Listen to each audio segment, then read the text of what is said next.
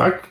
Cześć, nazywam się Wojciech Plona. Jak co wtorek e, będziemy rozmawiać e, z gościem specjalnie zaproszonym e, na tematy, czym się zajmuje, jaki, jakiej specjalizacją, jaką specjalizacją się zajmuje, a co najważniejsze, to wypytamy go mega szczegóły związane z jego pracą i będziemy chcieli, żeby podzielił się z nami e, swoją wiedzą i doświadczeniem. Dzisiejszym gościem jest pan Maciej Głowacki, e, doradca restrukturyzacyjny, syndyk. Jak e, czytałem notkę biograficzną, to się zastanawiałem, gdzie pana Macieja nie było i czego nie robił i jak dużych tematów, przy jak dużych tematów nie, nie, przy jak dużych tematach nie pracował. Czy coś pominąłem? Panie Wojtku, absolutnie nie. Wszystko się zgadza. E, dziękuję serdecznie za tą dozę skromności wobec mojej osoby. E, szanowni Państwo, bardzo mi miło Państwa e, witać. Niestety Państwa nie widzę, mam nadzieję, że Państwo widzicie mnie dobrze. Faktycznie posiadam pewne doświadczenie biznesowe. Jestem obecnie doradcą restrukturyzacyjnym, czyli człowiekiem, który zajmuje się zarówno upadłościami, jak również postępowaniami restrukturyzacyjnymi. Wcześniej miałem bogate doświadczenia z tytułu zasiadania w zarządach e, spółek, e, można powiedzieć, dosyć poważnych, więc rozumiem też dobrze Państwa e, punkt widzenia odnośnie finansów przedsiębiorstw. Nie wiem, jaką formułę dzisiaj zastosujemy, bo szczerze mówiąc, jest to mój debiut w wirtualnej świecie wykładów, konwersacji czy warsztatów, więc ja mam przygotowanych kilka pytań, e, bo różnie, różnie jest, jakby trafiamy do różnych, różne osoby nas oglądają i od te bardziej podstawowe i te, te które, e, te, te, które można powiedzieć e, będą bardziej szczegółowe. Na początek doradca restrukturyzacyjny. Kiedy w ogóle pojawia się w firmie doradca restrukturyzacyjny? W jakich sytuacjach?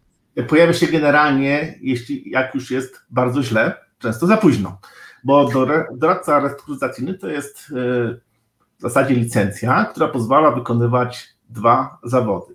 Zawód syndyka, czyli człowieka, który zajmuje się likwidacją majątku czy osoby fizycznej, czy przedsiębiorcy, czy osoby prawnej, a drugi zawód to, e, to e, restrukturyzator, który próbuje naprawić e, przedsiębiorstwo i zawrzeć układ z wierzycielami.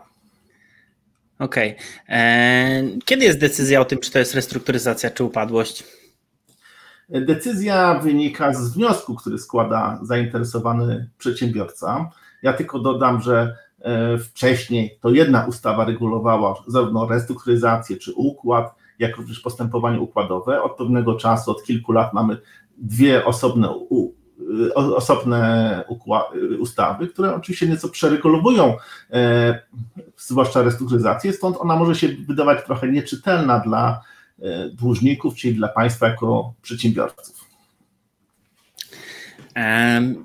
Ja się spotkałem często z takim, e, z takim e, powszechnie, mm, można powiedzieć, może nie tyle co z opinią, ale z takim, z takim faktem, że jak się zapyta część przedsiębiorców, czy są w stanie upadłości, to nikt praktycznie nie podniesie ręki. Natomiast jeżeli się poda te dwa warunki, które występują w ustawach, to okazuje się, że większość, e, że większość podmiotów, znaczy większość, część podmiotów faktycznie może być i często przedsiębiorcy w ogóle nie zdają sobie z tego sprawę. Czego dotyczą te warunki?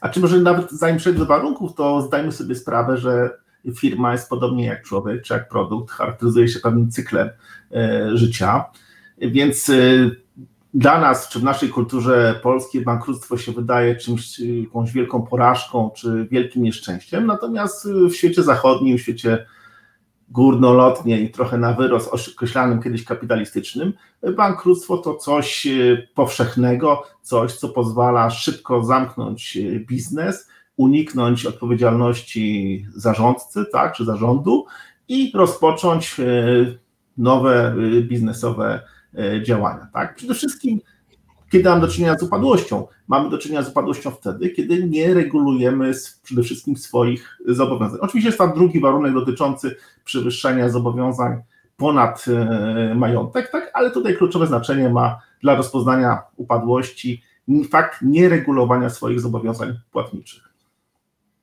Okej, okay. no dobra. E, to jeżeli powiedzmy, mamy, mamy przedsiębiorcę, który nie reguluje swoich e, zobowiązań, e, rozumiem, że wtedy kontrahent podaje go do sądu, tak?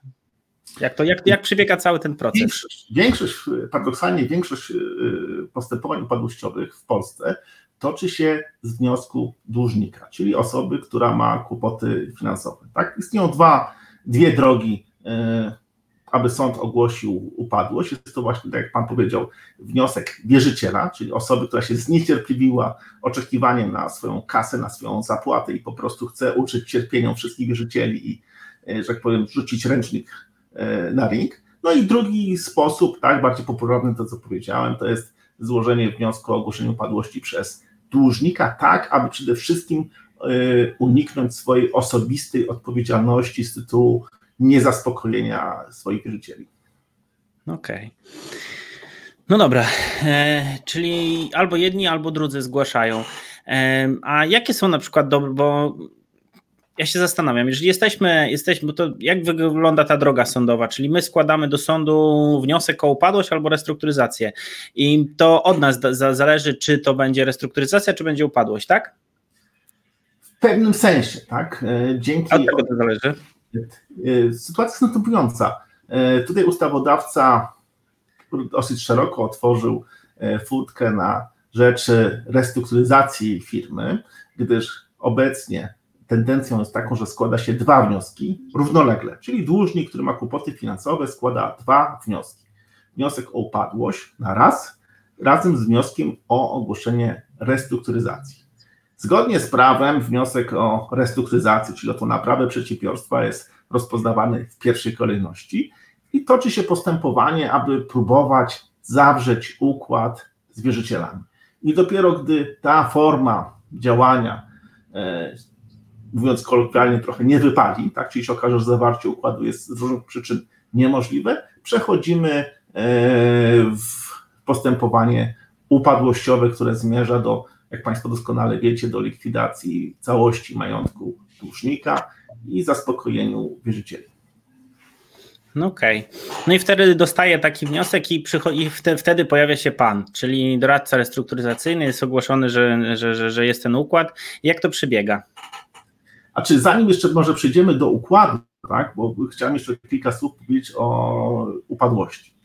E, często dlaczego upadłości? Dlatego, że w polskich warunkach często te postępowania restrukturyzacyjne są, e, dzieją się za późno. Czyli już firma tak naprawdę utraciła wszystkie swoje atuty możliwości działań rynkowych i tak naprawdę pozostaje upadłość i tak naprawdę te postępowanie restrukturyzacyjne często albo zazwyczaj w 90% jest E, etapem poprzedzającym upadłość.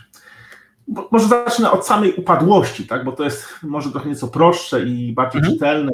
Państwo gdyby są bardziej oswojeni e, z, z, upadłością, bo w potocznym znaczeniu słowo bankrut towarzyszy każdemu z nas w działalności swojej biznesowej. Tak?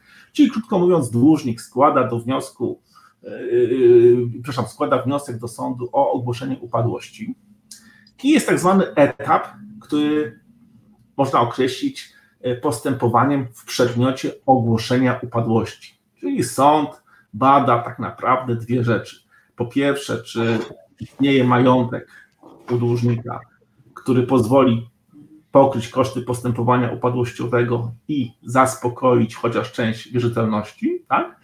I następnie, jeśli tak obie przesłanki są spełnione, jest ogłaszana upadłość i można powiedzieć, że cierpienia zarządu w tym miejscu się kończą. Tak? Czyli jest wyzwolenie, następuje jak gdyby zdjęcie odpowiedzialności y, za długi przedsiębiorstwa. Tutaj oczywiście należałoby doprecyzować, co to znaczy zdjęcie odpowiedzialności, bo oczywiście są jeszcze warunki ustawowe, kiedy ten wniosek o ogłoszenie upadłości trzeba złożyć, tak? ale generalnie, jeśli ktoś to zrobi w terminie, jest rozgrzeszony.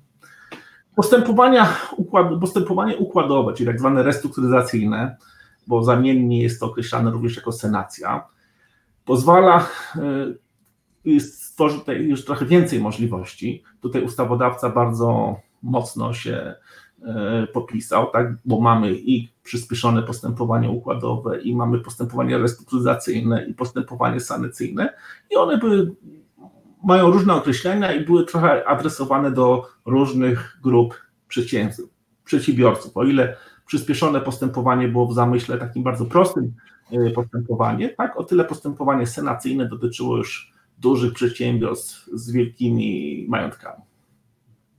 Okej. Okay. E, a ja się zastanawiam, bo to z czego wynika utrata płynności najczęściej? No bo jak rozumiem, e, przy przesłan, przesłankach do upadłości najczęściej jest e, brak płynności, no ale brak płynności jest konsekwencją często konkretnych działań? Czy, czy, czy, czy, czy, czy w Pana pracy jakby ma Pan dostęp do takich informacji, co to faktycznie jest z punktu widzenia zarządzającego, co, co, co oni tak naprawdę robili? E, czy właściciele, czy kadra zarządzająca? E, czy to po prostu jakby, czy ma Pan po prostu wiedzę na temat ty, tych wiem, działań? Nie wiem, czy Państwo oglądacie, ja bardzo lubię taki program pod tytułem Katastrofy w przestworzach, gdzie on opowiada o katastrofach y, w lotnictwie i z reguły ten powód katastrofy to nie jest jedna przyczyna, tylko jest to zbieg kilku czynników. I bardzo podobnie jest to w środowisku biznesowym. Następuje splot kilku okoliczności, błędnych decyzji strategicznych y, i często nawet pecha, który powoduje tym, że firma traci płynność. Tak? Doskonale wiemy, tak na, albo powinniśmy wiedzieć, e, dlaczego, e, jak e, powinniśmy wiedzieć, jakie są przyczyny utraty płynności. Tak, to jest krótko mówiąc, najczęściej to się przejawia złą strukturą bilansu, tak, czyli finansowanie długoterminowych aktywów krótkoterminowymi zobowiązaniami. Czyli krótko mówiąc, przykładowo zakup dużych zasobów majątkowych w oparciu o krótkoterminowe kredyty bankowe, następuje w pewnym momencie wypowiedzenie kredytu i wszyscy się bardzo dziwią, tak, że zły bank wypowiedział umowę kredytową i, i firma jest przewrócona.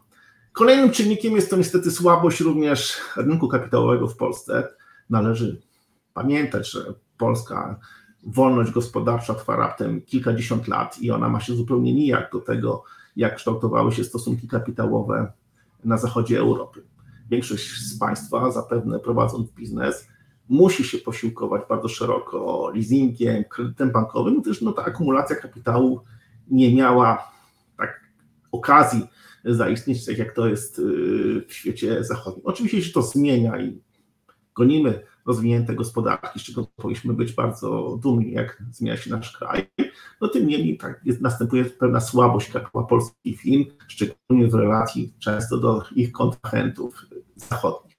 I zawsze tak naprawdę sztuką w biznesie często jest nie tylko rozwijać przedsiębiorstwo, ale tworzyć takie warunki gospodarowania, które pozwolą tej firmie przetrwać w czasach kryzysu, co obecnie mam. Tak? Czyli krótko mówiąc, nie tworzyć struktury finansowej tylko w oparciu o zamierzenia, prosperity i powodzenia w biznesie, ale też mieć z tyłu zawsze w głowie, że może nastąpić czas trudny i trzeba będzie w umiejętny sposób nieco przyciąć koszty i mieć świadomość dużo niższych przychodów. Czy to już jakby można powiedzieć z, z, punktu widzenia modelu biznesowego przygotować, e, jak szybko możemy ciąć koszty, gdzie możemy ciąć koszty i być na to wcześniej przygotowanym, jak możemy rosnąć i maleć elastycznie, a nie w momencie, kiedy zaskakuje nas kryzys i zastanawiamy się, co faktycznie dalej postąpić. E, myślę, że to jest bardzo trafna uwaga, bo obecny, proszę zobaczyć, jak zmienia się, jak środowisko biznesowe jest bardzo e, zmienne. Tak? Tutaj następują czasy, gdzie niezwykle jest ceniona elastyczność w biznesie. Coś, co się wydawało jeszcze tak mało potrzebne 30 lat temu czy 40 lat temu, e, również na Zachodzie.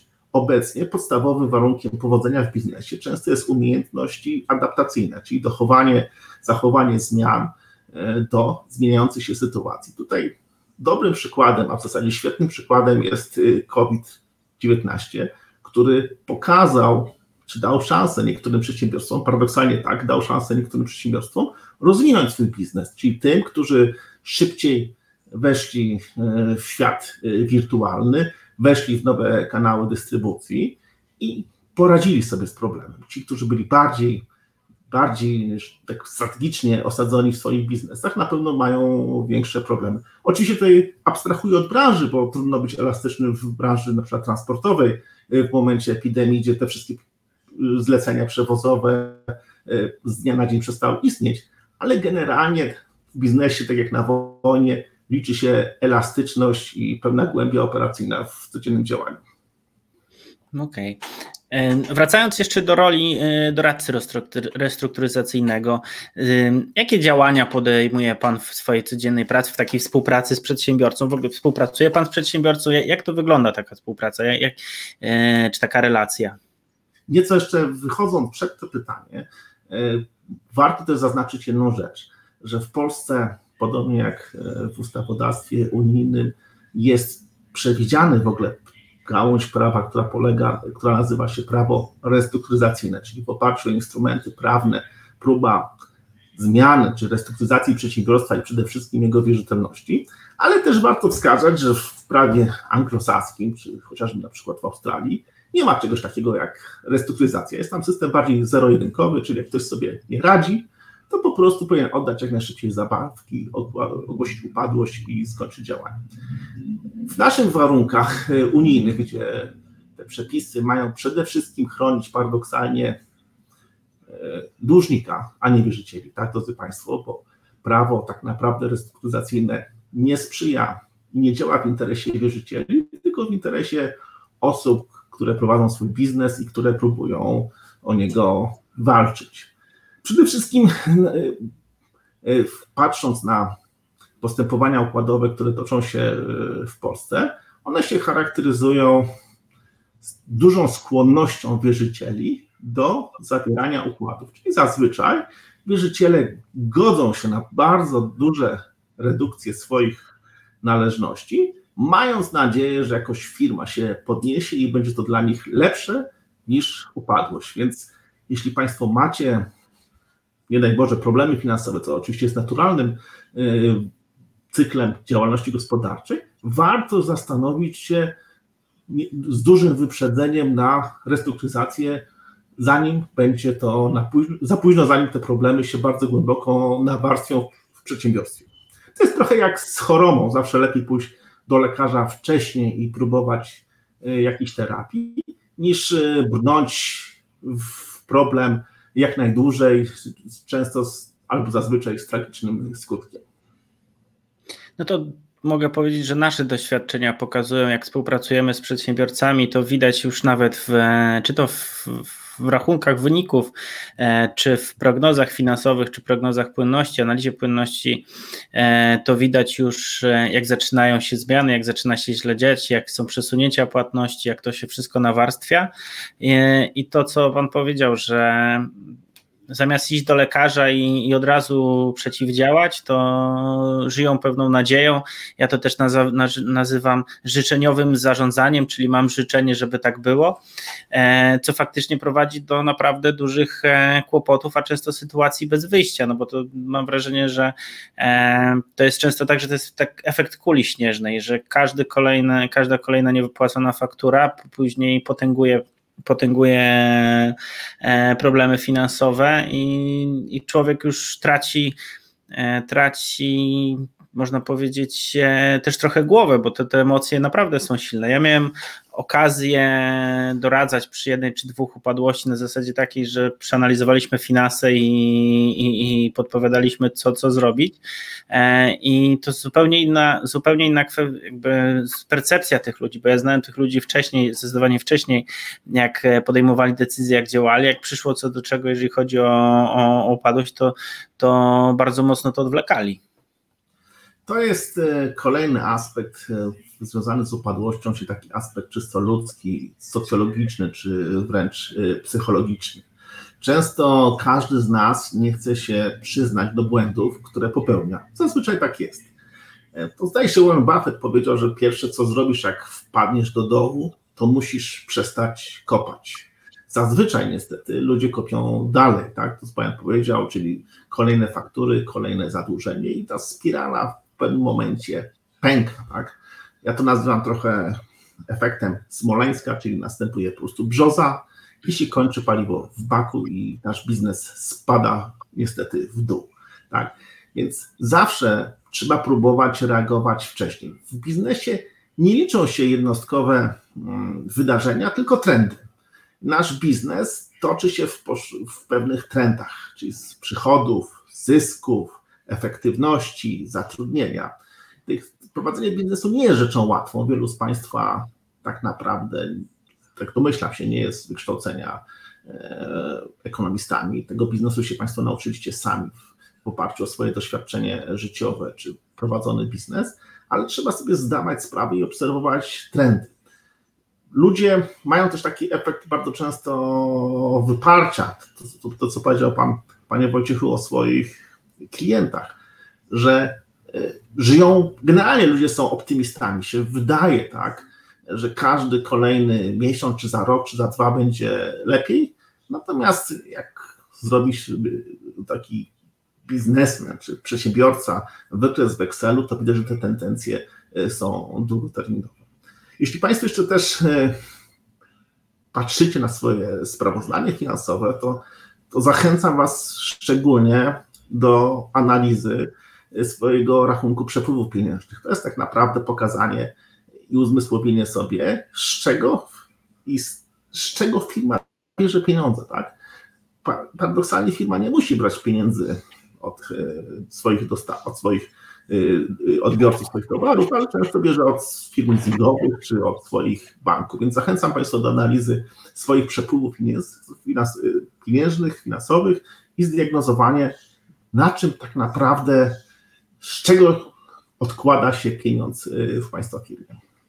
Przyznam szczerze, że jak patrzę po spółkach, to jeżeli nie ma osoby odpowiedzialnej za finanse w postaci dyrektora finansowego, e, w postaci kontrolera finansowego, to w ogóle patrzenie na bilans, na rachunek zysków i strat, na rachunek przepływów pieniężnych, to mam czasami wrażenie, że to jest takie spojrzenie ok, ja nic z tego nie, tak naprawdę nie wiem, co mógłbym wyczytać, no bo tak jak pan powiedział, nie są to ludzie, którzy są ekonomistami i mają wykształcenie ekonomiczne lub finansowe, no i sprowadza się do tego, że jedna z najbardziej, moim zdaniem, jeden z najważniejszych obszarów w firmie, czyli finanse, bo co, czego nie zrobimy w firmie, to każde działanie, e, każde działanie w firmie powoduje koszt czy tam jest odzwierciedlenie w finansach, to tak naprawdę e, znowu traktujemy życzeniowo, że może będzie dobrze, a nie jesteśmy w stanie tego przeanalizować. I tak jak patrzę, to coraz większe, coraz większa świadomość idzie do przedsiębiorców, że te finanse e, są coraz ważniejsze. Może to jest kwestia e, może COVID to pokazał, a może też kwestia, że pomału rynek zaczyna się kończyć dla, albo zaczyna się większa konkurencja w w wielu, wielu branżach. E, no i te marże już nie są tak duże. E, sytuacja się zmieniła, a oni też tego nie poczuli albo nie byli w stanie e, zareagować w odpowiednio szybki sposób. Ja myślę, że w ogóle czasy kryzysu dla dobrych firm są dobrym momentem, bo one eliminują często konkurencję, która jest po prostu słabsza, gorsza, mniej profesjonalnie zarządzana, która jest zarządzana z niedbałością o finanse. W czasach koniunktury relatywnie o finansowanie zewnętrzne jest prosto, banki duszą się swoją nadpłynnością. Mieliśmy jeszcze tego efekt kilka miesięcy temu przed COVID-em, gdzie to finansowanie leżało na ulicy, teraz się to nagle zmieniło i się okazuje, jest, i można powiedzieć, że rynek mówi sprawdza. Ja bym jeszcze zwrócił jedną Państwa uwagę na jeszcze jedną rzecz na chociażby spółki giełdowe. Jak Państwo się przyjrzycie i przeanalizujecie sobie firmy, które upadły, a były notowane na giełdzie papierów wartościowych, to zazwyczaj jeszcze w roku poprzednim to były kwitnące przedsiębiorstwa, które wykazywały zysk netto. Pytanie oczywiście, gdzie jest odpowiedzialność rad nadzorczych, biegłych rewidentów i księgowych, tak, ale niestety takie mamy zjawisko, że ona jest jeszcze stosunkowo nikła yy, i efekt jest taki, że firmy mogą niestety w pewien sposób manipulować czy kreować swoją, swoje dane finansowe. Księgowość tak naprawdę nie jest do końca nauką ścisłą jak fizyka czy matematyka. Ona pozwala pewne rzeczy kreować w oparciu o założenia, czyli ten sam wydatek może być zarówno kosztem, jak również może być aktywem, czyli powiększać nasz majątek. Tak? Ja myślę, że to z pewnością e, to jest w ogóle osobny, bardzo ciekawy temat, gdzie można przedyskutować i pokazać, jak, jak, jak te same wydane pieniądze mogą być pokazane raz jako majątek firmy, a raz jako strata, wydatek pomniejszający nasz e, zysk netto. Zwłaszcza przy projektach inwestycyjnych firm. Tak, to wystarczy zobaczyć w budownictwie roboty w toku, to jest ulubiony temat, tak, jak są napuchnięte duże, tak, to, to taki rezerwuar schowanych kosztów, który nie jest kosztem, a w bilansie jest wykorzystany, pokazywany jako aktyw. Co pozwala oczywiście uzyskać finansowanie zewnętrzne. Często w naszych warunkach gospodarczych jest tak, że to jest trochę taki miś, że paradoksalnie im droższe, tym lepsze. Tak? Bo z jednej strony pokazujemy duży wzrost majątku, y, oficer kredytowy z banku jest zadowolony, bo firma ma bardzo wysokie aktywa, a jak następuje upadłość, to się okazuje, że życie w brutalny sposób to weryfikuje i się okazuje, że ten majątek jest naprawdę niskiej wartości. No tak, bo jak ktoś zagląda, zagląda do środka i zagląda do księgowości, nie wiem, e, czy jako doradca restrukturyzacyjny ma Pan taki wgląd, czy w dokładne dane księgowe przegląda Pan i to, to, to widać, jak to jest księgowane i skąd to pochodzi. To bardzo dużo zależy od y, osoby doradcy restrukturyzacyjnego. Ustawodawca tutaj jest nieco abstrakcyjny, jeśli chodzi o, o przepisy restrukturyzacyjne, bo zakłada, że firma, która sobie nie radziła od dłuższego czasu, mogą być to nawet lata, e, zostanie nagle uzdrowiona przez e, doradcę restrukturyzacyjnego, czyli osobę taką jak ja, która posiada licencję ministra sprawiedliwości, który nagle wskaże kluczowe problemy i kilkoma prostymi ruchami uda się to wszystko e, wyprostować, czyli podwyższyć efektywność przedsiębiorstwa i jednocześnie dogadać się z wierzycielami. No, praktyka życia gospodarczego pokazuje, czy tych restrukturyzacji, postępowań restrukturyzacyjnych, że zazwyczaj niestety następuje tak naprawdę tylko i wyłącznie koncentracja na dogadaniu się z wierzycielami, którzy często wolą zamknąć oczy i mieć nadzieję, że firma może teraz nie odda im kasy, ale odda to w ratach, nie wiem, przez 5, 6, a nawet 10 lat, bo są takie zawierane układy, niż od razu przyznać się, że te pieniądze są stracone. Czyli generalnie następuje bardzo silne parcie na układ rozumiany nie jako efektywne działania naprawcze w firmie, a tak naprawdę dogadanie się z wierzycielami i obcięcie sobie często części długów, co myślę, że dla Państwa może być kuszące. Po co płacić tym ludziom takie pieniądze, jak można zapłacić mniej, Panie Wojtku? No tak. Wówczas to jest, wówczas jest leczenie skutków, a nie przyczyn. A po co wyciągnąć biznes, który może w przyszłości faktycznie zarabiać, albo w, w przeszłości bardzo dobrze zarabiał i, e, i można jeszcze nie tylko spłacić długi, ale jeszcze mieć e, go sprzedać, czy inne działania podjąć.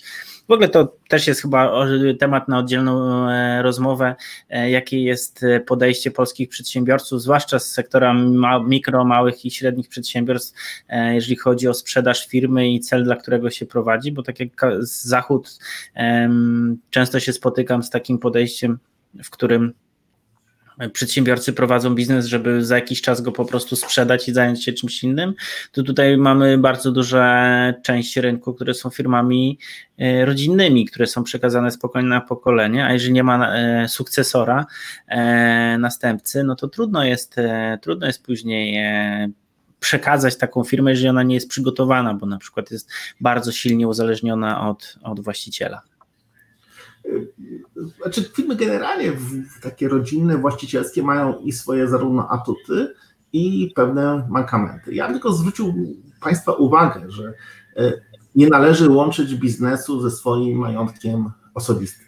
Czyli funkcjonowanie z dużą firmą czy średnią firmą w ramach działalności gospodarczej e, jest bardzo ryzykowne. Oczywiście można bardzo kochać żonę i zrobić rozdzielność majątkową, ale moje doświadczenie, może nie osobiste, ale zawodowe, wskazują, że żona nie zawsze będzie kochać e, do końca męża, swego przedsiębiorcę, zwłaszcza jak mu się w biznesie podwinie noga.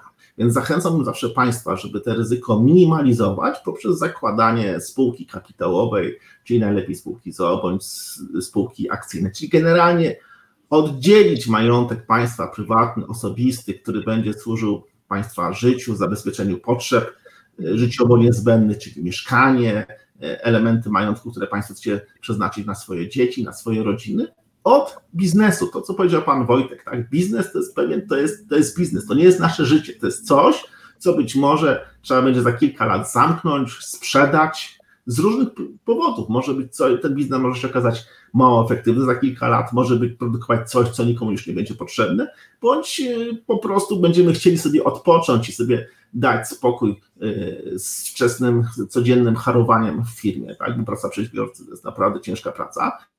i po prostu sobie odpocząć i skeszować swój, swój biznes. Więc zawsze proszę zwrócić uwagę na Państwa, zacząć swój punkt rozważań od analizy ryzyk. Żaden biznes nie jest wieczny i tego przykłady, czy zarówno i dużych podmiotów gospodarczych, i małych, jasno wskazują. Nie jesteście Państwo bankami na Wall Street, które nie mogą upaść. Tak? Jesteście, każdy z Państwa prezentuje biznes, który kiedyś może się złożyć, bo możecie ten moment przegapić i niestety ten moment y, i ta, sytuacja może spowodować, że was pociągnie Państwa dół. Oczywiście mówimy teraz o bardzo czarno, czarnowictwie, tak? A, i to jest takie trochę bardzo pesymistyczne może spotkanie, to trochę jakby Pan Wojtek zaprosił przedsiębiorcę pogrzebowego, no, trudno tutaj mówić o, o, o radości, tak? Ale zawsze każdy sukces wymaga analizy ryzyk. Mówimy teraz o trudnej, ciężkiej, ciemnej stronie zagrożeń wynikających z prowadzenia biznesu i tego po prostu trzeba mieć świadomość. No to tak jak e, patrzę, to często tutaj e, świetny mężu jesteś. Pozdrowienia od, od małżonki, od Aki. E, no ale tak jak patrząc, też się spotykam z, tym, z tą sytuacją, że jest życzeniowe, życzeniowe zarządzanie, e, no bo zbyt hurra optymistyczne, bo mało kto, mało kto patrzy na tą koniunkturę, na te trendy, że często my byliśmy w ogóle u, gór, u góry, e, rynki od wielu lat w ogóle rosły i nie było żadnej ani korekty, one dopiero zaczęły się stabilizować i często tak jak ja patrzę na ten kryzys, to widzę, że starsi y, właściciele firm czy zarządzający, którzy y, przekroczyli już te 40-50 lat i mają swoje doświadczenie e, z poprzedniego ustroju e, i przeżyli już dużo różnych e, sytuacji, to raczej byli przygotowani na to. To nie było tak, że oni po prostu wszystko na jedną kartę, czy potrafili się zabezpieczyć, albo tak potrafili poprowadzić pewne działania, że naprawdę mocno ich to tak nie dotknęło, chyba że to były duże firmy i po prostu no nie miały, nie miały wpływu, nie miały na to wpływu, jak, zaczę, jak przedsiębiorcy czy tam kontrahenci przestali regulować swoje e, zobowiązania. Natomiast ja często patrzę to przy młodszy, młodych osobach, jak prowadzą swój, swój biznes, że nie są doświadczone, nie są nauczone właśnie tej analizy, analizy ryzyka, bo nigdy się z tym nie spotkali. Dla wielu ludzi to w ogóle pierwszy, to był szok, że muszą siedzieć 2-3 tygodnie w domu, że, trzeba, że są kolejki do sklepów e, i wiele innych rzeczy, które podejrzewam, że ludzie, nie, to jest dość niefortunne sformułowanie z poprzedniego ustroju, którzy mieli, doświadczyli to, e, to jakby no ja z rodzicami rozmawiałem, to że żartowali, że on, dla nich to jest nic nowego, że oni już to przeżywali. E, a dla młodych osób, które w ogóle nigdy tego nie doświadczyły, w ogóle to było dla nich abstrakcja, żeby, e, żeby nie wiem, czy stać w kolejkę, czy nagle nie wychodzić z domu, jak biznes prowadzi, że świat, w którym oni żyli, zupełnie zmienił się 180 stopni i oni w ogóle nie wiedzą, jak się odnaleźć. Część wiadomo, czy odnalazła się, ale nikt wtedy nie patrzył na, na, na ryzyko, jak to może się, chociaż nikt nie przewidywał tego kryzysu, ale to też pokazało, jak wielu przedsiębiorców w ogóle nie przewiduje tego, co się dzieje, że ta, ta analiza ryzyka praktycznie nie występuje. E, jak ja rozumiem duży biznes albo średni biznes, to jest przede wszystkim analiza tego ryzyka, identyfikacja tego ryzyka i niwelowanie tego ryzyka, żeby to było było bezpieczne, żeby to ryzyko nie, nie powodowało, ja to nazywam strzały w biznes, które generują straty. Priorytety też się doskonale Państwo na pewno wiecie, że te priorytety życiowe się Państwu zmieniają e, z wiekiem. No tak, Maciek nie zapłacił rachunku, no niestety chyba żona nie zapłaciła rachunku, bo internet tają. Na pewno y, pan Wojtek powiedział, że osoby około 50 są bardziej stabilne, tak? W sensie wydawania, nieszacowania ryzyk. No, prost, zależność jest prosta, tak? Stawia się na szali często cały swój majątek i generalnie takie osoby nie mają skłonności do wielkiego ryzyka, bo mogą tracić wszystko. Ciężko zaczynać nowe życie w wieku 50 czy 60 lat. Natomiast te młode e, osoby, e, młodzi, pełni entuzjazmu, z otwartymi głowami, z otwartym umysłem, no są w stanie bardziej agresywnie atakować e, życie. Często z, z, spełniają się jako brokerzy, jako gracze giełdowi po prostu są odważniejsi, nie zdają sobie sprawy z ryzyk, więc szacowanie ryzyka jest dobre na różnym etapie życia. Okej. Okay. No tak, jak być młodym i się nic nie ma, to nie ma się nic do stracenia. Jak już jest dużo do, do stracenia, to człowiek faktycznie, e, faktycznie może trochę inaczej podchodzić. Ale wrócę do pytania e, na temat współpracy e, doradcy restrukturyzacyjnego z przedsiębiorcą. Jak ona przebiega? Na jakim etapie e, doradca wchodzi, co analizuje? Jak, jak, jak przebiega taka współpraca jak, jak się układa, układają takie relacje? To zależy po pierwsze, czy ten proces jest zainicjowany przez sąd, czyli krótko mówiąc, to sąd wyznacza doradcę restrukturyzacyjnego, czy z kolei przedsiębiorca jest świadom tych problemów i zanim złoży wniosek restrukturyzacyjny, podpisze e, umowę z doradcą restrukturyzacyjnym, żeby tak zdiagnozować e, problemy firmy i przede wszystkim wybrać jedną z tych czterech ścieżek, e, ścieżek, które przewiduje prawo restrukturyzacyjne. Generalnie, tak jak powiedziałem to wcześniej, wszystko jest za późno, czyli jak już nie ma często pieniędzy nawet na płacenie podstawowych zobowiązań, chociażby z dostaw mediów, ochrony, e, szkieletu zatrudnienia e, w firmie, kładzie się wniosek restrukturyzacyjny i oczekuje się cudów. To trochę tak jakby pójść do, enko, do lekarza onkologa z masą przerzutów nowotworów w całym organizmie i oczekiwać, że coś z tego wyjdzie. No nie, nie wyjdzie. Oczywiście e, prawo jest abstrakcyjne, i y, przez pewien okres czasu będzie następować walka y, o, o układ, tak? czyli te postępowania się toczyć, ale to nie oznacza że faktu, że na końcu y, gdzieś na końcu jest niestety smutna meta i to tak zamienia się w upadłość. Czyli generalnie namawiałbym zawsze Państwa do rozmów czy poszukiwań, czy wyjście ze swoich opłatek biznesowych o ewentualne doradztwo z konsultantem, z doradcą restrukturyzacyjnym, tak jak to Państwo robicie w przypadku, nie wiem, budowania swoich stron internetowych, przecież nie wierzę, że Państwo robicie wszystko sami, y, tak jak szukacie Państwa doradztwa podatkowego dla swoich rozliczeń podatkowych, tak jak szukacie Państwa profesjonalnych księgowych do optymalizacji, zarządzania i księgowania e, swoich wydatków i budowania ich jako aktywa, bo to dobry księgowy zrobi, słaby już nie. Więc Krótko mówiąc, warto pytać innych w życiu. Jest to w dobie internetu relatywnie prostsze, łatwiejsze i zachęcam zawsze Państwa do rozmów ze specjalistą. No domyślam się, że jak Państwo budujecie dom czy kupicie mieszkanie, to już nikt nie robi metodą gospodarczą pustaków, tylko zleca to specjaliści, więc generalnie y, namawiam Państwa do y, jakiegoś takiego minimalnego chociaż poziomu zaufania i wyjścia do osób, które w tym bardziej są głębiej osadzone niż państwo. Sam też wiem mm, ze swojego punktu widzenia, że często ten codzienny biznes powoduje, że żyjemy potocznym takim trochę matrixem, czyli rozwiązujemy bieżące problemy firmy i nie zawsze mamy czas, czy perspektywę, czy dystans, żeby spojrzeć na to trochę z zewnątrz.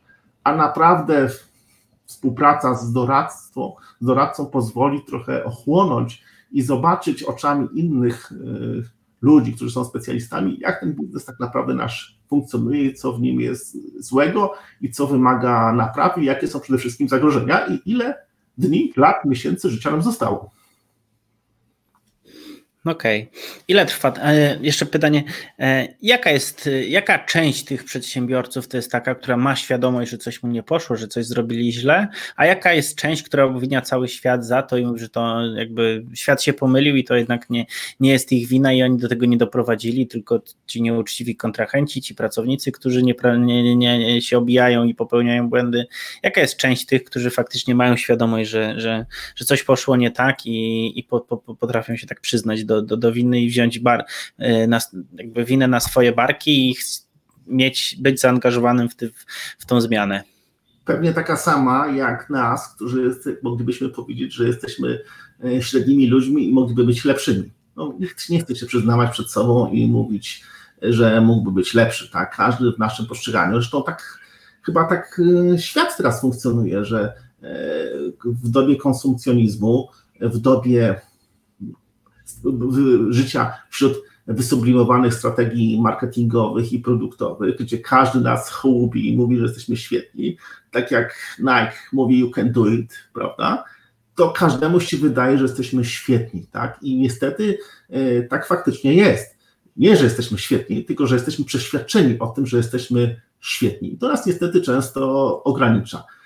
Począwszy od ruchów czy jazdy samochodem, gdzie każdy z, z nas jest naprawdę mistrzem kierownicy, a skończywszy na właśnie na prowadzeniu biznesu i takiej świadomości, że jest świetnie. A to, co, że nam teraz coś nie wychodzi, to, to jest z reguły albo głupi bank, albo niezrozumiała firma leasingowa, albo dostawcy, którzy nie chcą nam wydłużyć e, terminu płatności o kolejne 30-60 dni i w ogóle generalnie się wszyscy czepiają. To niestety jest taki trochę zatruty owoc dzisiejszych czasów, z którym powinniśmy sobie jako przedsiębiorcy poradzić, tak? No mimo wszystko to właśnie przedsiębiorcy tworzą e, siłę gospodarczą państwa i mówiąc nieco trochę górnolotnie, są również pewną elitą e, państwa, w naszym przypadku Polski, więc musimy sobie też zdawać sprawę z odpowiedzialności wobec nas samych, wobec pracowników, wobec dostawcy i spróbować sobie odpowiedzieć na pytanie, czy wszystko, co robimy, robimy dobrze. Niestety różnie z tym e, bywa. Nie chciałbym mówić o procentach, bo to chyba wymagałoby osobnych badań socjologicznych. Myślę, że pan Wojtek następnym razem zaprosi jakiegoś socjologa, który ciekawie pokaże nam te przekroje społeczeństwa i trendy, które się zmieniają w, e, w populacji. Na pewno one były inne 20 lat temu, a inne są teraz. Tym niemniej myślę, że w życiu biznesowym, jak w każdym innym życiu, wymaga się dużo, dużo pokory i jeszcze raz pokory i pracy. I być może to spowoduje, że odniesiemy sukces, choć gwarancji nie ma. Okej. Okay. Przypomnę Wam tylko, że możecie zadawać pytania panu, panu Maciejowi, e, czy to dotyczą, dotyczące jego doświadczenia, czy, czy restrukturyzacji, czy upadłości. E, od czego zależy czas współpracy z takim doradcą restrukturyzacyjnym? Bo rozumiem, że część spraw ma pan, nie wiem, krótszych, dłuższych. Od czego to zależy? Generalnie, jeśli mówimy już o trybie sądowym, to jeśli już złożyliśmy wniosek do sądu, to nasz tryb i czas pracy jest niedeterminowany nie tyle doradcą restrukturyzacyjnym, co sądem. E, niestety ilość spraw, która wpływa do sądów upadłościowych, bo sądy upadłościowe zajmują się zarówno upadłościami, jak i restrukturyzacjami, powoduje, że nastąpiło bardzo znaczne przeciążenie systemu. To jest szczególnie odczuwane w dużych aglomeracjach miejskich typu Trójmiasto, Warszawa, Poznań, Wrocław, Kraków, y, aglomeracja śląska i te sprawy potrafią się toczyć długimi miesiącami, pomimo że ustawodawca zakładał hipotetycznie bardzo, bardzo krótkie okresy czasu, miesięczne, kilkutygodniowe i niestety te terminy nie są dotrzymywane. To jest, mówimy o wariancie, kiedy poszliśmy już do sądu, złożyliśmy wniosek i ta procedura niestety potrafi być bardzo wyczerpująca, bardzo długo trwała. I z upadłościami czy z rekruzycjami jest bardzo podobnie jak na wojnie, to kolejny, kolejny raz odniesienie.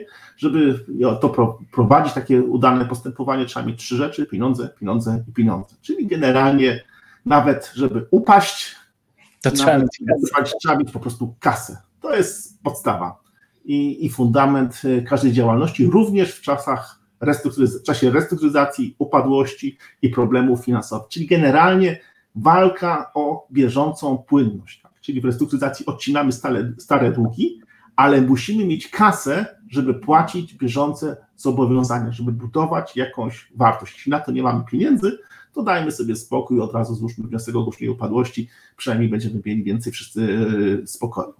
Czy na upadłość też trzeba mieć budżet? Yy, oczywiście, że tak.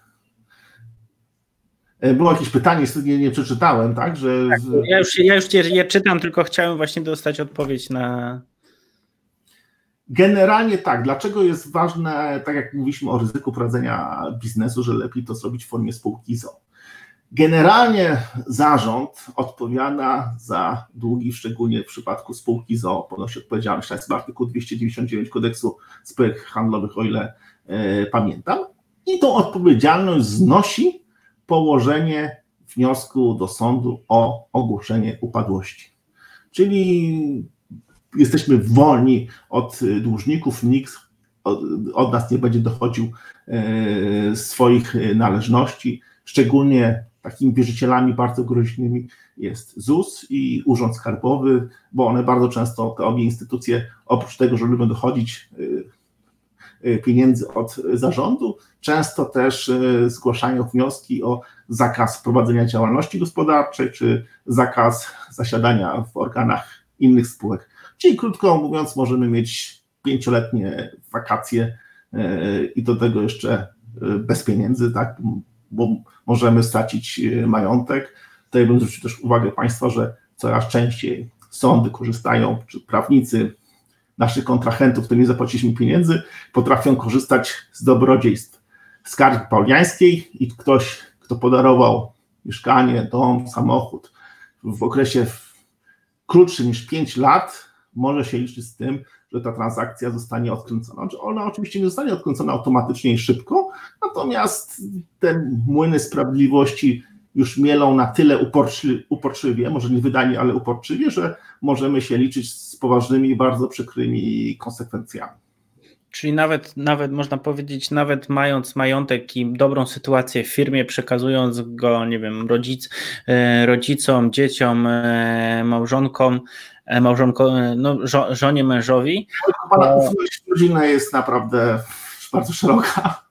Ja zawsze zachęcam, żeby mieć dwa majątki, tak? Czyli mieć swój majątek prywatny który jest stricte służy do mojego życia, do tego, żeby gdzieś mieszkać, czymś jeździć i mieć ten majątek biznesowy oddzielony w postaci osobnej spółki, tak, gdzie, gdzie zacznie się coś dziać złego, to można przy, wyjąć y, przysłowiową wtyczkę z kontaktu, zgasić światło i mieć święty spokój. Nie uda nam się tylko od strony biznesowej, tak, że ewentualna porażka na polu biznesowym nie powinna topić całości naszego życia.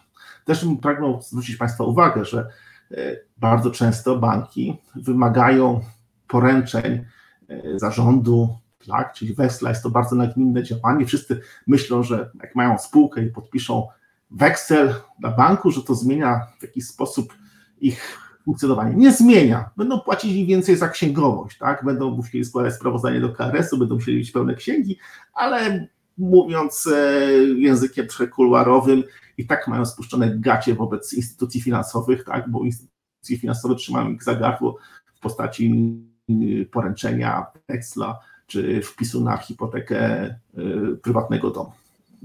Ja właśnie Więc też się zaczynam dla Państwa, żeby mieć, mieć taką małą łódeczkę, szalupę ratunkową, która, e, mówiąc trochę przynośni, y, jest tam, będzie tam prowiant na 30 dni, kilka środków pieniężnych, coś, żeby móc kiedyś dożeglować w razie jakiegoś nieszczęścia do najbliższego portu.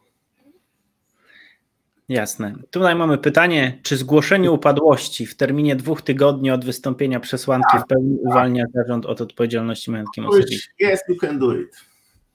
E, ja się spotkałem, e, składałem jakiś czas temu, jeszcze przed e, COVID-em, zapytanie o finansowanie zewnętrzne i też dostałem weksel od banku i się tak zacząłem zastanawiać, to po co spółka kapitałowa, jak i tak prezesa uwiązują banki jego majątkiem?